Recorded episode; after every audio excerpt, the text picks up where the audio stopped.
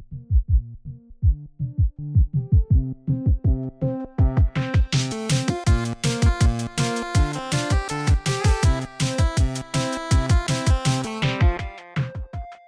Hej och välkommen till Spelfokus. Jag heter Gabriella Kalteneckar. Och jag heter Björn Flintberg och vi jobbar på forskningsinstitutet RISE. Och idag ska vi prata om forskningsinstitutet RISE. Och vad 17 har ett forskningsinstitut gemensamt med spel och spel som metod och teknologi?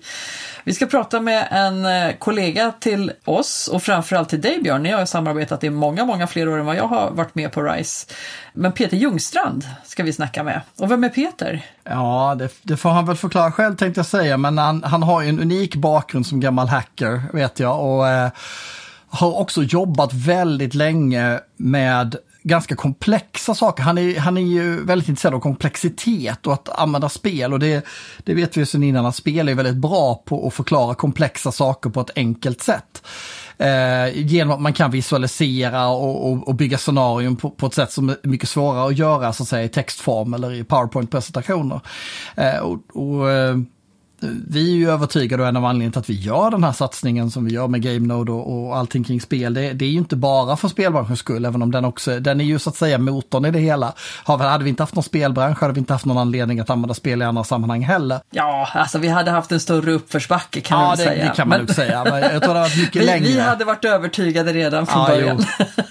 vi kanske inte hade varit övertygade om det inte hade funnits en spelbransch, för då kanske vi inte hade varit de spelnördar vi egentligen är. Det är en fråga för filosoferna, ja, men, men jag, jag, jag har ju svårt att se att det inte skulle kunna vara på det här sättet. Men, men du, du är inne på någonting intressant och spännande och Peter kommer säkert att fördjupa sig i de här frågorna som du nämner.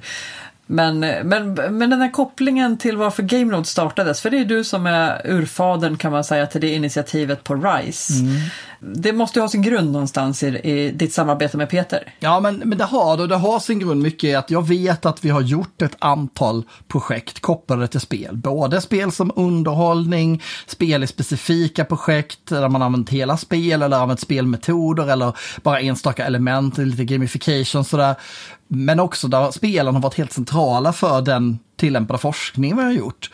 Och det är, Peter har ju varit med på många av de projekten och, och, och hållit ihop det där på många sätt tillsammans med, med de, det stora, stora nätverk han har eh, runt om i världen av kloka människor. Men jag såg att vi på RISE inte hade en samlad bild av, vi hade liksom inget samlat arbete kring det här, utan det var när det dök upp eller när det var lämpligt att jobba med spel i de sammanhangen. Och det innebär att det egentligen bara var när antingen var personer som Peter som fångade upp ett projekt och såg att det här fanns en potential, eller att vår motpart, vår samverkanspart, kund eller vad det skulle kunna vara för någonting beroende på, på vad det är för organisation, att de själva redan kom med den tanken. Och det finns ju massor med kollegor där ute, vi är ju 3300 personer, som sitter och jobbar med komplexitetsfrågor, med samhällsbyggnadsfrågor och så vidare inom en rad olika branscher, som kanske inte känner till det här och som inte har sett det här och som börjar nosa på det här nu. Och då ville vi ha liksom en, en samlad yta för att bättre kunna bli eh, det är som att sätta förstoringsglas liksom eh, bakom solen för att få en lite skarpare stråle för att kunna göra mer nytta kopplat till spel och spelbranschen. Ja, men vi, jag tänker att vi släpper in Peter i studion så får vi orsak att summera det här efter vårt samtal. Det låter bra. Då kallar vi in Peter. Då säger jag hjärtligt välkommen in i studion. Peter! Tack så mycket. Peter, du är ju en av våra kollegor inom avdelningen prototypande samhälle och din roll är ju en som affärsutvecklare. Vill du berätta lite grann om din bakgrund? Hur länge har du jobbat på RISE och vad, vad innebär det att jobba som affärsutvecklare på RISE? Och vad har du för koppling till spel? Ja, framförallt det. Precis. Jag tänkte ju vi sparar på godsakerna till lite senare, men visst, vi kör allt på ett bräde. Ja, det står affärsutvecklare någonstans. Jag brukar ju inte trycka på den eh, rollen. Eh, även om det är en delaspekt av det jag gör. Eh, jag är forskare på RISE inom ett brett område som på olika sätt man kan väl brukar uttrycka det någonstans gränssnittet mellan digitalisering i ganska vid mening, eh, en förståelse för människor som enskilda individer, sociala grupper, organisationer, samhällen eh, och komplexa processer eh, eller problem och hur kan man ta sig an dem. Eh, det som inte är uppenbart, det som är förändligt, det som är komplext. Hur gör man med det? Eh, och det är mycket med inspiration från design och designprocesser. Um, så sånt har jag hållit på med i många år. Min uh, ursprungliga bakgrund uh, sen tonåren när jag växte upp var ju med första generationens hemdatorer eh, Commodore 64 och Amiga. Eh, och jag spelade ju spel som alla andra. Eh, men eh, tröttnade bara spela spel så jag gick in på en, en metanivå och typ ehm, knäckte kopieringsskydd. Det var också ett spel men det var en, en annan en högre nivå upp av, av utmaning. Eh, och jag håller också på med eh, eh, kommersiell spelutveckling till exempel tidigt lite grann. Och som många andra vid den tiden spelade jag rollspel och så här. Eh, så att, eh, jag har hållit på och växt upp med gamingkultur sedan barnsben och alltid haft intresse för liksom gränsöverskridande verksamheter. Jag var aktiv i det som kallades demoscenen där vi försökte pusha gränserna för vad som går, gick att göra med den tidens datorer. Eh, gör avancerade saker såväl tekniskt som estetiskt eh, eller upplevelsemässigt som egentligen inte var meningen att det skulle gå att göra. Eh, och liksom utnyttja maskinen till max på en massa olika sätt. Så det är ju liksom min bakgrund. Sen har jag läst till, jag har läst ingenjör och jag har systemvetenskap på universitetet och sen har jag sedan 25 år ungefär jobbat med eh, forskning, innovation, ehm, utbildning ehm, med mera knutet till, eh, till det jag sa, alltså till eh, digitalisering och interaktionsdesign med mera, varav spel är en väsentlig del. Om man tar ett exempel på det så när vi började i slutet av 90-talet med det här så ehm, jag och några kollegor som jag jobbade med på det som då hette Victoria-institutet som precis var startat. Där vi ganska snart övergick över till något som hette Interaktiva institutet. Som var ett försök till Sverige på ett svar på, på MIT Media Lab i, i USA. Och vi var ett gäng som intresserade av spel, alla var gamers liksom. Eh, men vi kunde konstatera att inom forskningen så fanns det i stort sett ingen forskning om spel. Eh, inte om spel som spel i alla fall. Det fanns lite grann om hur kan man tolka spel som litteratur eller eh, eh som konst eller som något annat. Men spel som spel fanns väldigt lite. Eh, så vi började gräva i det eh, och, och, se att det fanns ett behov. Hur förstår man? Hur gör man bra spel? Eh, vad innebär spelmekanik? Hur designar man spel? Hur ska man tänka på upplevelser? Hur ser incitamentsstrukturer eh, ut? Och massa, massa sådana frågor. Och också nya genrer av spel som vi var med och utforskade.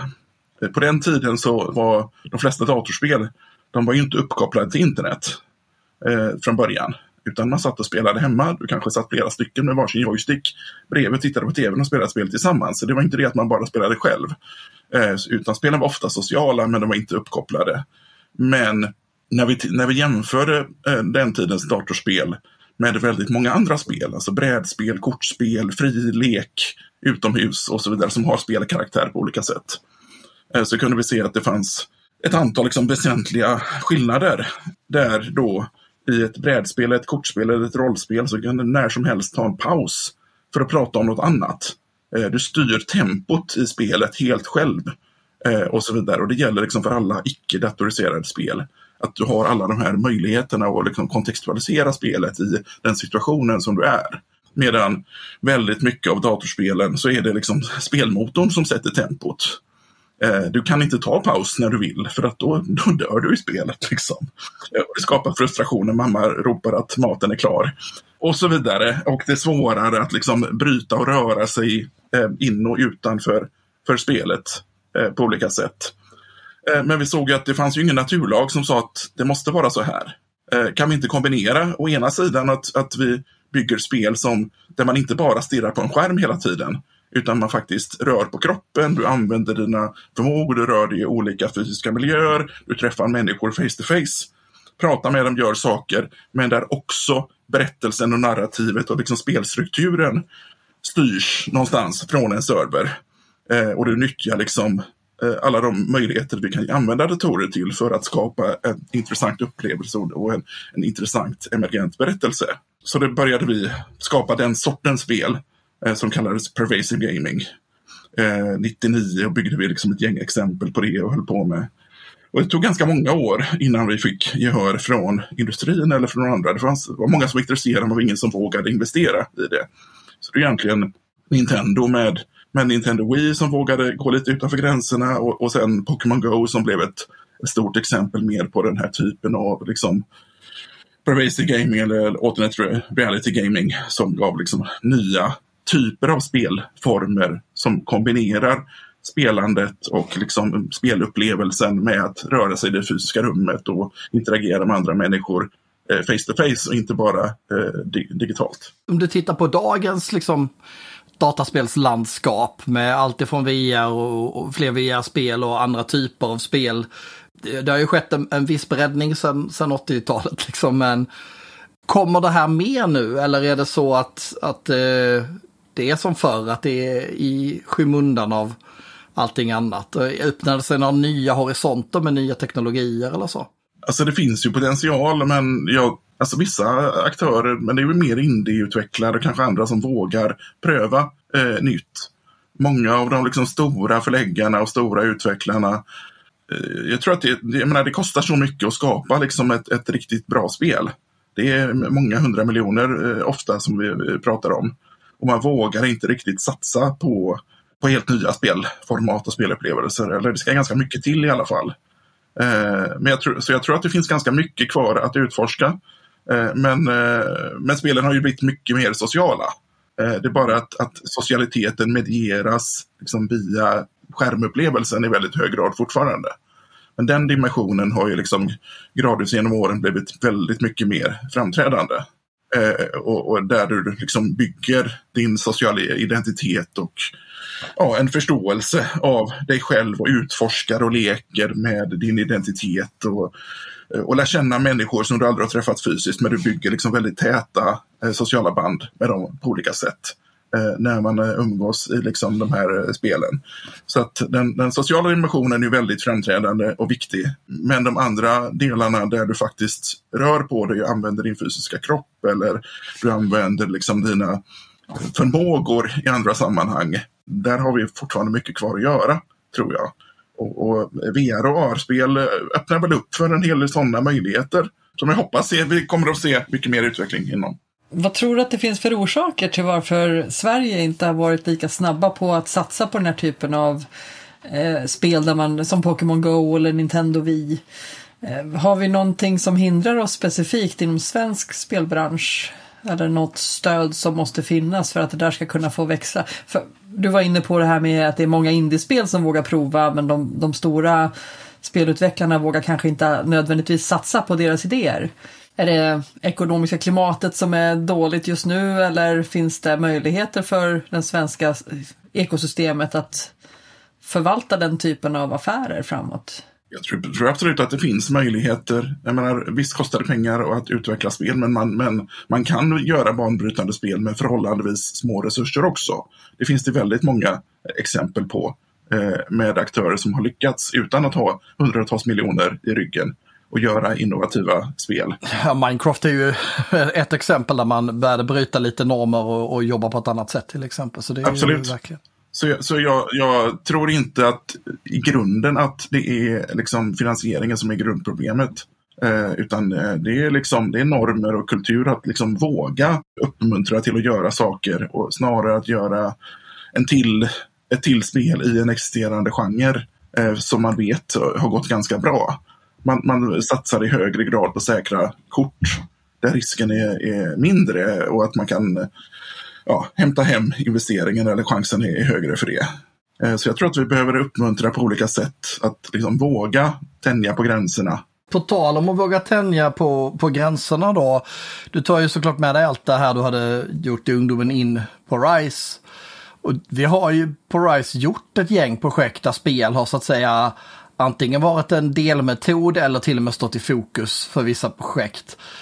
Kan du inte, eftersom jag är ganska säker på att lyssnarna inte riktigt har koll på, på vad vi har gjort, har du några, några exempel på sätt vi har använt spel liksom på RISE när vi, har, när vi själva har byggt någonting tillsammans med andra eller så som faktiskt har kommit till nytta liksom i, för det handlar ju ofta om att skapa nytta när vi jobbar på RISE så att säga. När vi utforskar någonting. Jag kan väl ta mm, några exempel. Alltså vi har eh, förutom spel för, när vi utforskat nya typer av spelupplevelser eller för kanske primärt för underhållning. Jag tänker att du mer vill se andra exempel, eller? Ja, alltså nej, nej, för 17 tar du dem också. Jag tycker det är jätteintressant. Eh, I ett axplock så att få, lyssnarna kan få en bild av vad vi, vad vi har gjort liksom. Och varför vi är så intresserade av spel på RISE. Ja, det är, väl, det är väl naturligt för människor att vara intresserade av spel. Det har människor varit i alla tider och det är liksom ett sätt att leka och lära och förstå eh, komplexa sammanhang. Barn lär sig genom att, att spela och leka och, och, några av de äldsta historiska artefakterna vi har som är många tusen år gamla är ju spel. Eh, så uppenbarligen så är det liksom människor har spelat i många, många tusen år. Eh, det är liksom väldigt typiskt för, för människor och för också oss som liksom, kulturbärare att spela. Här ser jag möjligheten till en sidequest, en liten sidefråga innan du svarar på den riktiga frågan. Men, men vad, vad, är orsaken då till, för du är inne på att vi har spelat i alla tider, det är liksom leka, lära, förstå komplexa Vi som sitter i den här studion just nu, vi är ju rörande överens om de här frågorna, vi har alla lekt och spelat spel sedan vi var Eh, eh, två äpplen höga. Men den här nördstämpeln som fanns när vi var yngre, eh, varför var det liksom ett utanförskap med spel plötsligt? Där man inte liksom, ja men det spelar inte bra. För det har ju aldrig varit så innan dataspels, liksom, eller ja, rollspelen kom, Drakar och Demoner. Eh, den här oron som kommer, varför har den plötsligt dykt upp?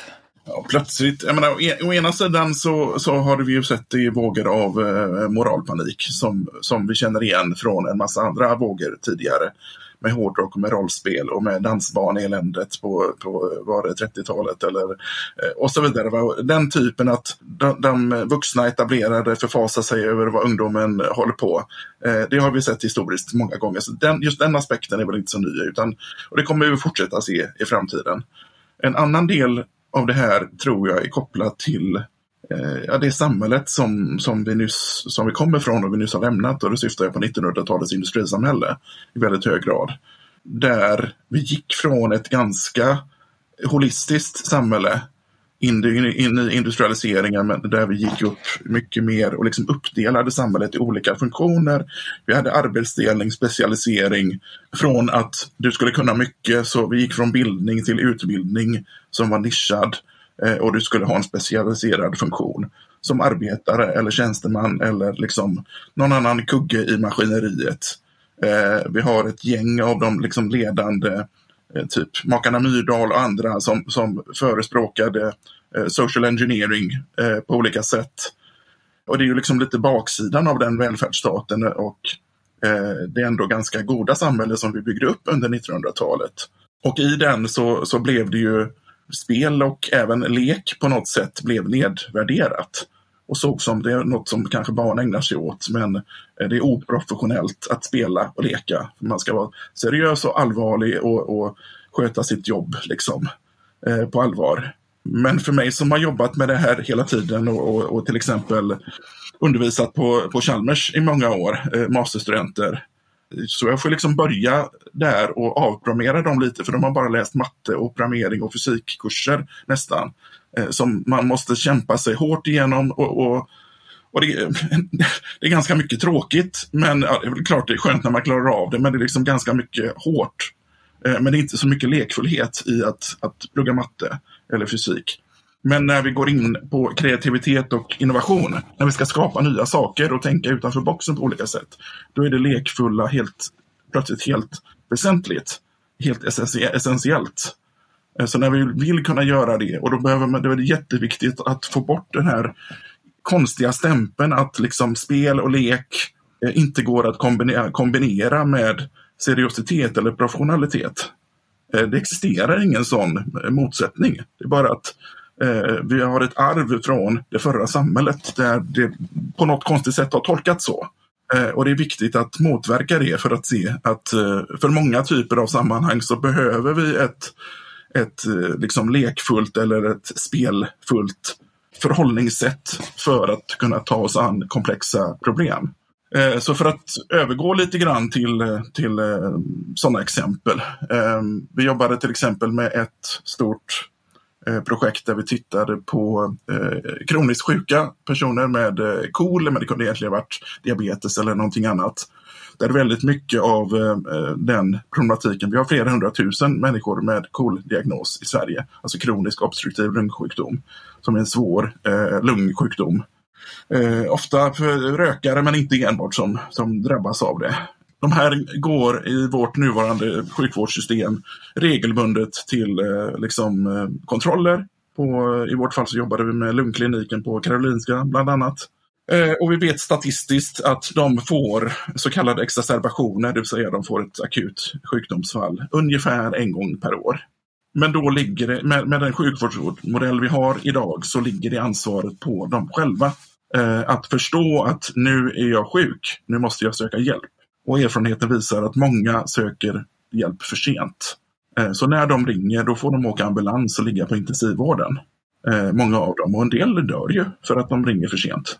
Eh, kunde vi fånga upp dem några dagar tidigare så hade det räckt med antibiotika och så hade allt varit bra. Och det hade sparat väldigt mycket lidande och sparat väldigt mycket pengar för, för samhället och det hade sparat en massa resurser för begränsade saker som intensivvård och, och ambulanssjukvård Eh, till exempel. Så vi tittade på hur kan vi bygga om hela modellen? Hur kan vi, kan vi låta dem självskatta hur de mår, använda lite sensorer som mäter saker i hemmet och ha en modell med en distriktssköterska som egentligen pratar digitalt med dem i princip dagligen och tittar på saker. Men där de också då använder spel kopplat till liksom förebyggande insatser. Eh, så de använder liksom spelfeedback och de eh, har det för att träna och göra saker i hemmet för att sänka risken. Så det är för att få människor att må bättre, eh, känna sig bättre, känna sig sedda och, bekräftade och såklart, ja, förutom de, det minskade personliga lidandet och ökar välbefinnandet så också ja, få bort en massa onödiga kostnader och hårt tryck på begränsade samhällsfunktioner. Ett annat eh, vårdrelaterat exempel eh, som vi haft nyligen är tillsammans med några universitet och med eh, eh Philips som utvecklar eh, teknik för sån här eh, datortomografi. Eh, som ni vet skiktröntgen när man skannar kroppen eller, eller hjärnan och så vidare och letar och gör ganska liksom avancerad 3D-avbildning av hur det ser ut inuti kroppen. Men det här är en stor brummande maskin eh, som man behöver ligga still i när man åker igenom. Och en vuxen person kan man berätta att ja, det brummar och väsnas, men du måste ligga still. Och det kan en vuxen person förstå och förhålla sig till. Men för yngre barn så är det svårt och skrämmande. Eh, och därför så har man typiskt sett idag, eh, när man ska göra den sortens undersökning på barn, så har man sövt dem eh, anestesi. Eh, men det är inte riskfritt. Utan att använda eh, narkosmedel och så vidare kan innebära risker. Eh, och man kan skada, man kan till och med riskera att inte vakna upp igen. Så att om man kan minska på behovet för att använda narkos i sjukvården så är det en stor hjälp. Men små barn har då blivit skrämda av de här maskinerna. Men då har vi utvecklat ett, ett spel med en berättelse där barnet leker i förväg och, och tränar och övar på att med en berättelse där de ska åka en rymdraket ut i rymden. Och rymdraketen den väsnas och brummar jättemycket när den åker iväg. Men så får de träna på det i förväg och förbereda sig mentalt och göra en massa liksom, spelrelaterade övningar. Och sen när de faktiskt ska göra en undersökning skarpt, ja, men då åker de dit. Och då ska de åka in i den här rymdraketen i deras narrativ i spelvärlden. Eh, och så klarar de det galant och behöver inte då använda narkos. Det är ju fantastiskt. Men, men är det här i bruk idag? I, liksom, är det...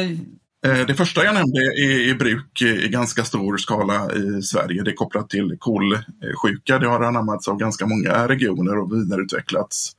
Eh, det andra är väl inte fullt i bruk än, men det kommer nog.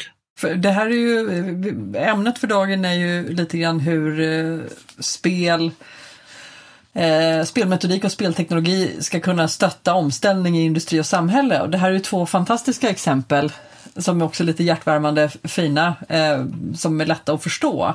Finns det några mer abstrakta forskningsunderlag som vi jobbar på just nu, eller har jobbat på tidigare, eh, där det kanske syftar lite mer till samhällsstrukturer, socialt utanförskap eller någonting i den stilen?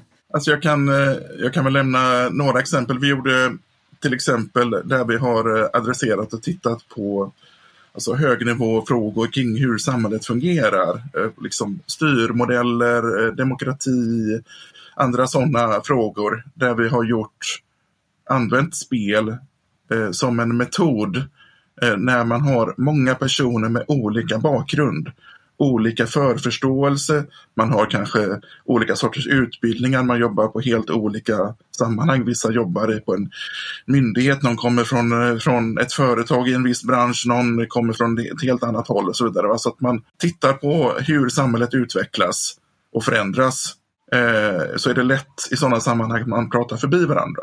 För att man, man pratar inte riktigt samma språk så att säga. Även om man använder samma ord så är det olika semantik. Eh, så det är lätt att missförstå varandra.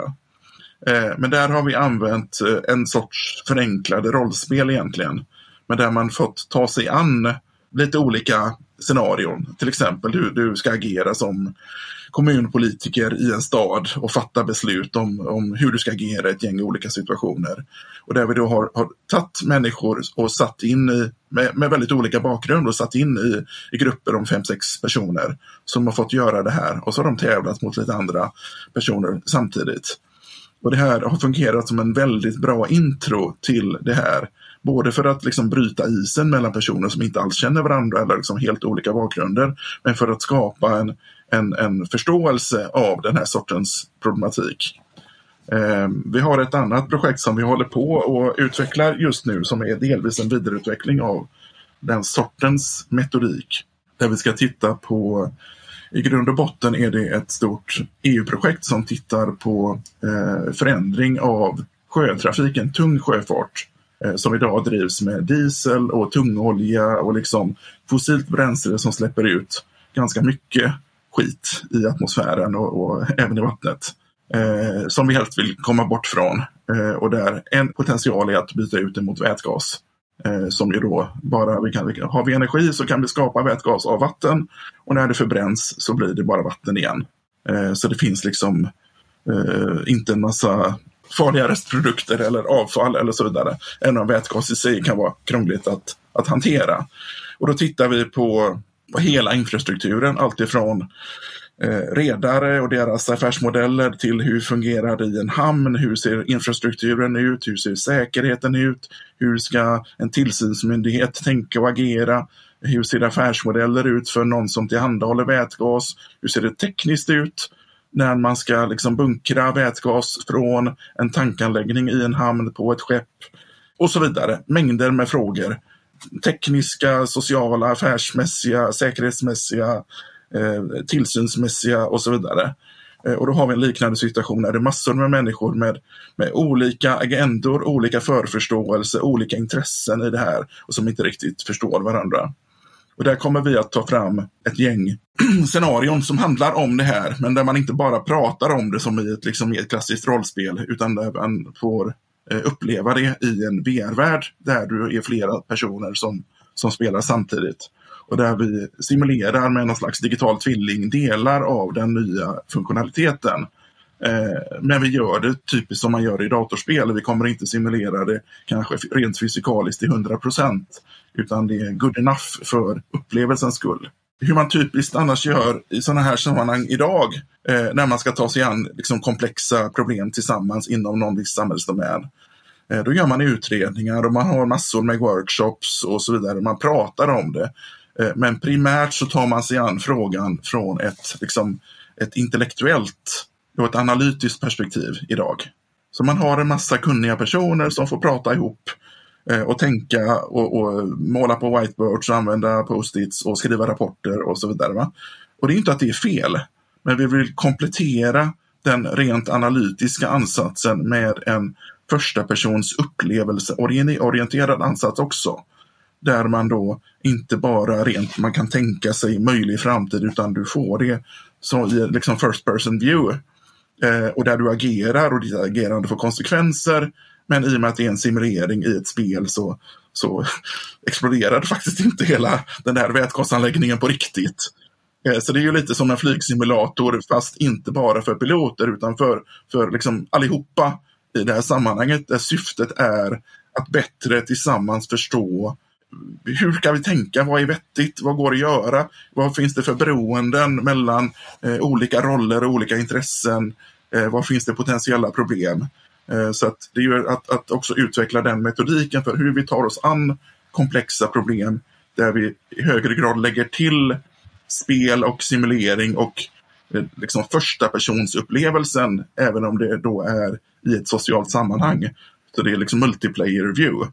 Men eh, som ett komplement till den, den tidigare dominerade analytiska ansatsen. Alltså det är superintressant. Det du beskriver eh, visar ju också ganska tydligt på att om man tar det här exemplet som du hade nu så spelet tillför ju så att säga både ett djup, det vill säga att du får en större förståelse än bara den rent analytiska som du kanske kan ha teoretiserat kring och läst dig till och ha vissa jobberfarenheter om du, du får liksom en första personsupplevelse som du säger, man kanske ser helt nya saker. Men det breddar ju också perspektivet, dels att man är många och får olika perspektiv och också att man kan leka med vilka, vilka roller som folk har och att man kan få se saker ur fler perspektiv. För att ofta om man är specialist på ett område, hur man fyller skeppens tankar med vätgas, så kanske man inte har koll exakt på hur logistiken ser ut för att eh, sköta hamnen till exempel. Och det är ju sånt som man kan lättare och snabbare simulera i ett spel liksom än att skicka runt alla på någon slags jobbskuggning i, i ett och ett halvt år i, i, en så stor apparat som stora hamnar är. Liksom. Så att spelet blir ju liksom ett, ett sätt att både för, för, att få nya insikter som både så att säga ger dig en bättre förståelse av det du redan var expert på men också ger dig en bredd i att få helt nya perspektiv. Känns det som när du berättar i alla fall. Ett, ett annat område som vi har tittat på liknande saker är kopplat till medicinsk utbildning. Eh, där vi håller på och skissar på ett stort projekt tillsammans med flera europeiska partners. Där vi använder AI och spelupplevelser i eh, så att vi vet liksom AI eh, ja, inte tar över men kompletterar liksom våra olika roller i samhället på olika sätt. Eh, men, men vissa bristyrken eh, kan, är svårt att ersätta med AI. Eh, och hälso och sjukvården liksom är ett sådant område där det är svårt att liksom skala upp, utan vi har flaskhalsar. Eh, och ett sådant område är eh, sjuksköterskeutbildning till exempel, där det krävs att man eh, har praktik. Så även om vi kan skala upp utbildningsplatser för sjuksköterskor så är det svårare att skala upp eh, praktikplatser där man får all den praktiska träning och erfarenhet som också krävs. Eh, för att kunna liksom, få sin examen och, och, göra ett bra jobb. Ja, och det gäller för läkare och så vidare också. Så vi försöker se, kan vi bygga scenarion där vi å ena sidan eh, så är det liksom en lärsituation där vi använder eh, den data som genereras när du gör olika saker, eh, till exempel i en spelvärld, när du simulerar olika handlingar som sjuksköterska i ett, ett komplext fall, ofta tillsammans med flera andra professioner. Eh, dels för att eh, individanpassa liksom, tempot och innehållet i just din träning istället för att man har en one size fits all lösning för alla studenter. Utan man anpassar just efter vad du behöver i stunden. Eh, så då använder man eh, AI och feedback och liksom spel. Och där vi spelar på eh, ja, virtuella patienter till exempel, eller liksom andra typer av, liksom hela kontexten är ju liksom ett spelat scenario. Eh, där du går in eh, och, och, det är typiskt ett multiplayer-scenario där det är flera människor som spelar, kanske sjuksköterskor och läkare, men du har också flera NPCer. Förutom att patienten är en NPC så har du kanske en, en sjuksköterska som jobbar tillsammans med som är en NPC och så vidare. Det går liksom att skala på, på olika sätt. Så hur kan vi använda kunskap och spel, kunskap om spel och eh, tillsammans med liksom AI och feedbackmodeller för att både individanpassa eh, tempo och innehåll för att, att understödja lärande och också för att komma åt flaskhalsar där man tränar på komplexa moment som, som då är svåra att hitta praktikplatser på traditionellt. Och, ja, och komma runt liksom det. Så det är ett exempel på där vi tittar på, på sådana frågor. Det blir ganska tydligt när du berättar, det här känner väl till lite grann även om du har mycket, mycket djupare kunskap om, om de här specifika projekten. Men det är ju ganska, blir ganska tydligt tycker jag om man tittar och lägg, lägger det här eh, på ena sidan som ett, och så lägger man liksom RISE uppdrag som ett raster. Att vi ska liksom finnas till för att och, och stärka Sverige på, på olika sätt. Ja, både, både via att jobba direkt med näringslivet och industrin men också genom att liksom jobba mot, mot samhällsaktörerna eh, offentliga såväl som privata och civilsamhällesmässigt. Och nu menar nu har vi spunnit vidare mellan hamnar och logistik, sjukvård och eh, demokratifrågor och det är liksom eh, allt alla sammanhang där det finns en komplexitet som är svår att reproducera eh, egentligen i, bara genom teori och tabeller och text eh, Eh, så finns det möjligheter att använda sig av spel på, på olika sätt. Ja, men antingen att det, att det finns, antingen att det finns en hög komplexitet eh, eller och eller förändringstakt, vilket det finns i väldigt många områden. Eller också att typiskt sett att det finns liksom inte ett svar. Det handlar inte, jag menar, om, om du tränar matte eller tillämpad matte som, som eh, teoretisk fysik eller någonting, då ska man lära sig hur det är. Eh, men det finns liksom ett rätt svar på det. Men när du ska använda sig av, av den kunskapen, då är det så många fler faktorer som du måste ta hänsyn till. Och väldigt många ställen, typiskt sett när, när en person går ut från en, en utbildning, vare sig det är på universitetet eller en, en yrkeshögskola eller någonting annat. Så, och när man går in och jobbar i en verksamhet eh, i offentlig sektor eller ett företag eller någonting så tar det ju tid. Det tar ofta flera år innan man liksom faktiskt förstår allting och du behöver bygga upp det vi brukar kalla erfarenhet. Eh, det räcker inte med liksom grundträningen, basträningen, utan vi måste bygga upp erfarenheten. Eh, och i alla sammanhang där, där, där erfarenhet är viktigt och där komplexitet och förändringstryck är väsentliga delar eh, så vill jag hävda att spel är en fantastisk möjlighet för att kunna eh, liksom tillgodose eh, och, och, mm, och svara mot de här frågorna. Eh, alltså, så spel har med andra ord en absolut uppenbart bra plats inom omställningen i både industri och samhälle. Det kan vi väl konstatera, tycker vi.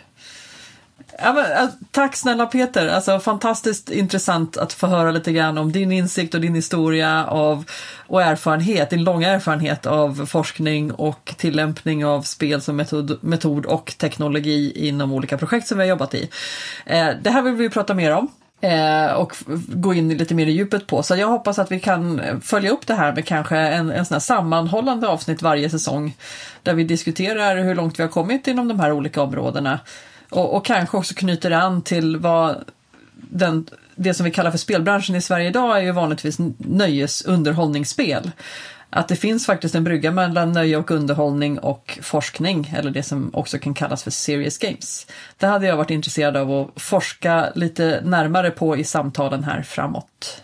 Eh, och jag hoppas ju också att, att eh, ni som lyssnar ska ha fått lite inspiration från, från Peter och berätta om det vi har gjort. För att jag menar, vi, vi finns ju här för att försöka stötta och vara någon slags katalysator för problem som redan finns. Vi behöver inte uppfinna nya problem. Det finns eh, gott om utmaningar ute i, i både förvaltningar och bolag som, som kan behöva någon form av struktur och stöttning. Så att, eh, vi tar gärna dialog om det där för att eh, det, vi har gjort en del ändå, som Peter berättar. Och jag tycker att det finns en finns mycket mer kvar att göra.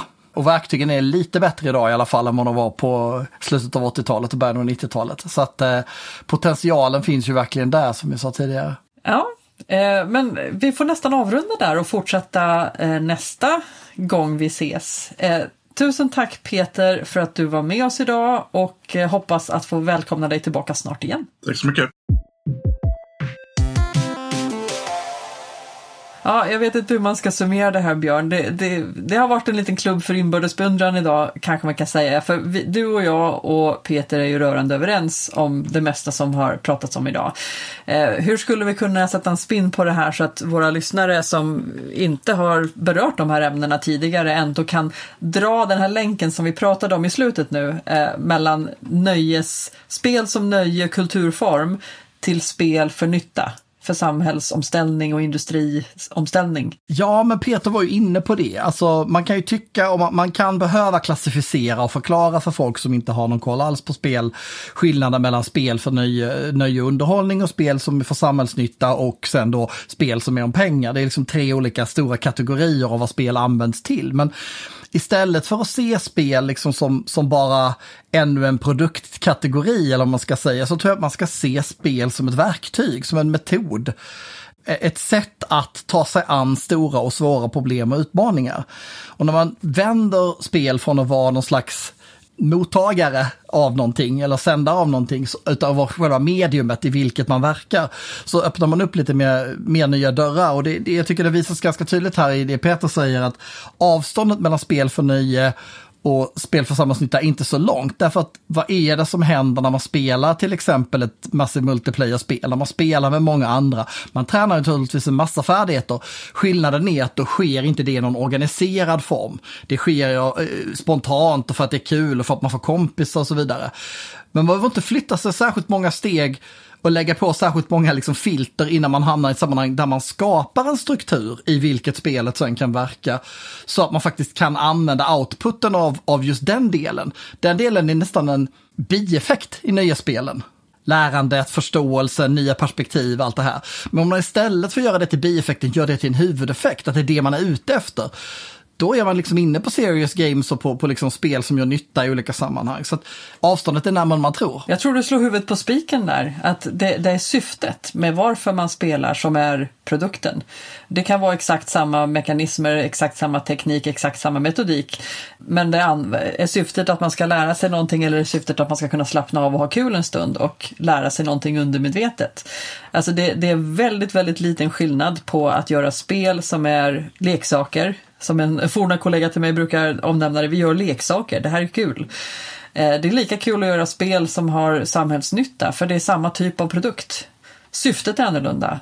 Eh, och, och naturligtvis i, i, dagsläget så ser finansieringsmodeller och, och, infrastruktur och ekosystem annorlunda ut för de som gör den typen av spel jämfört med de som gör spel för underhållning.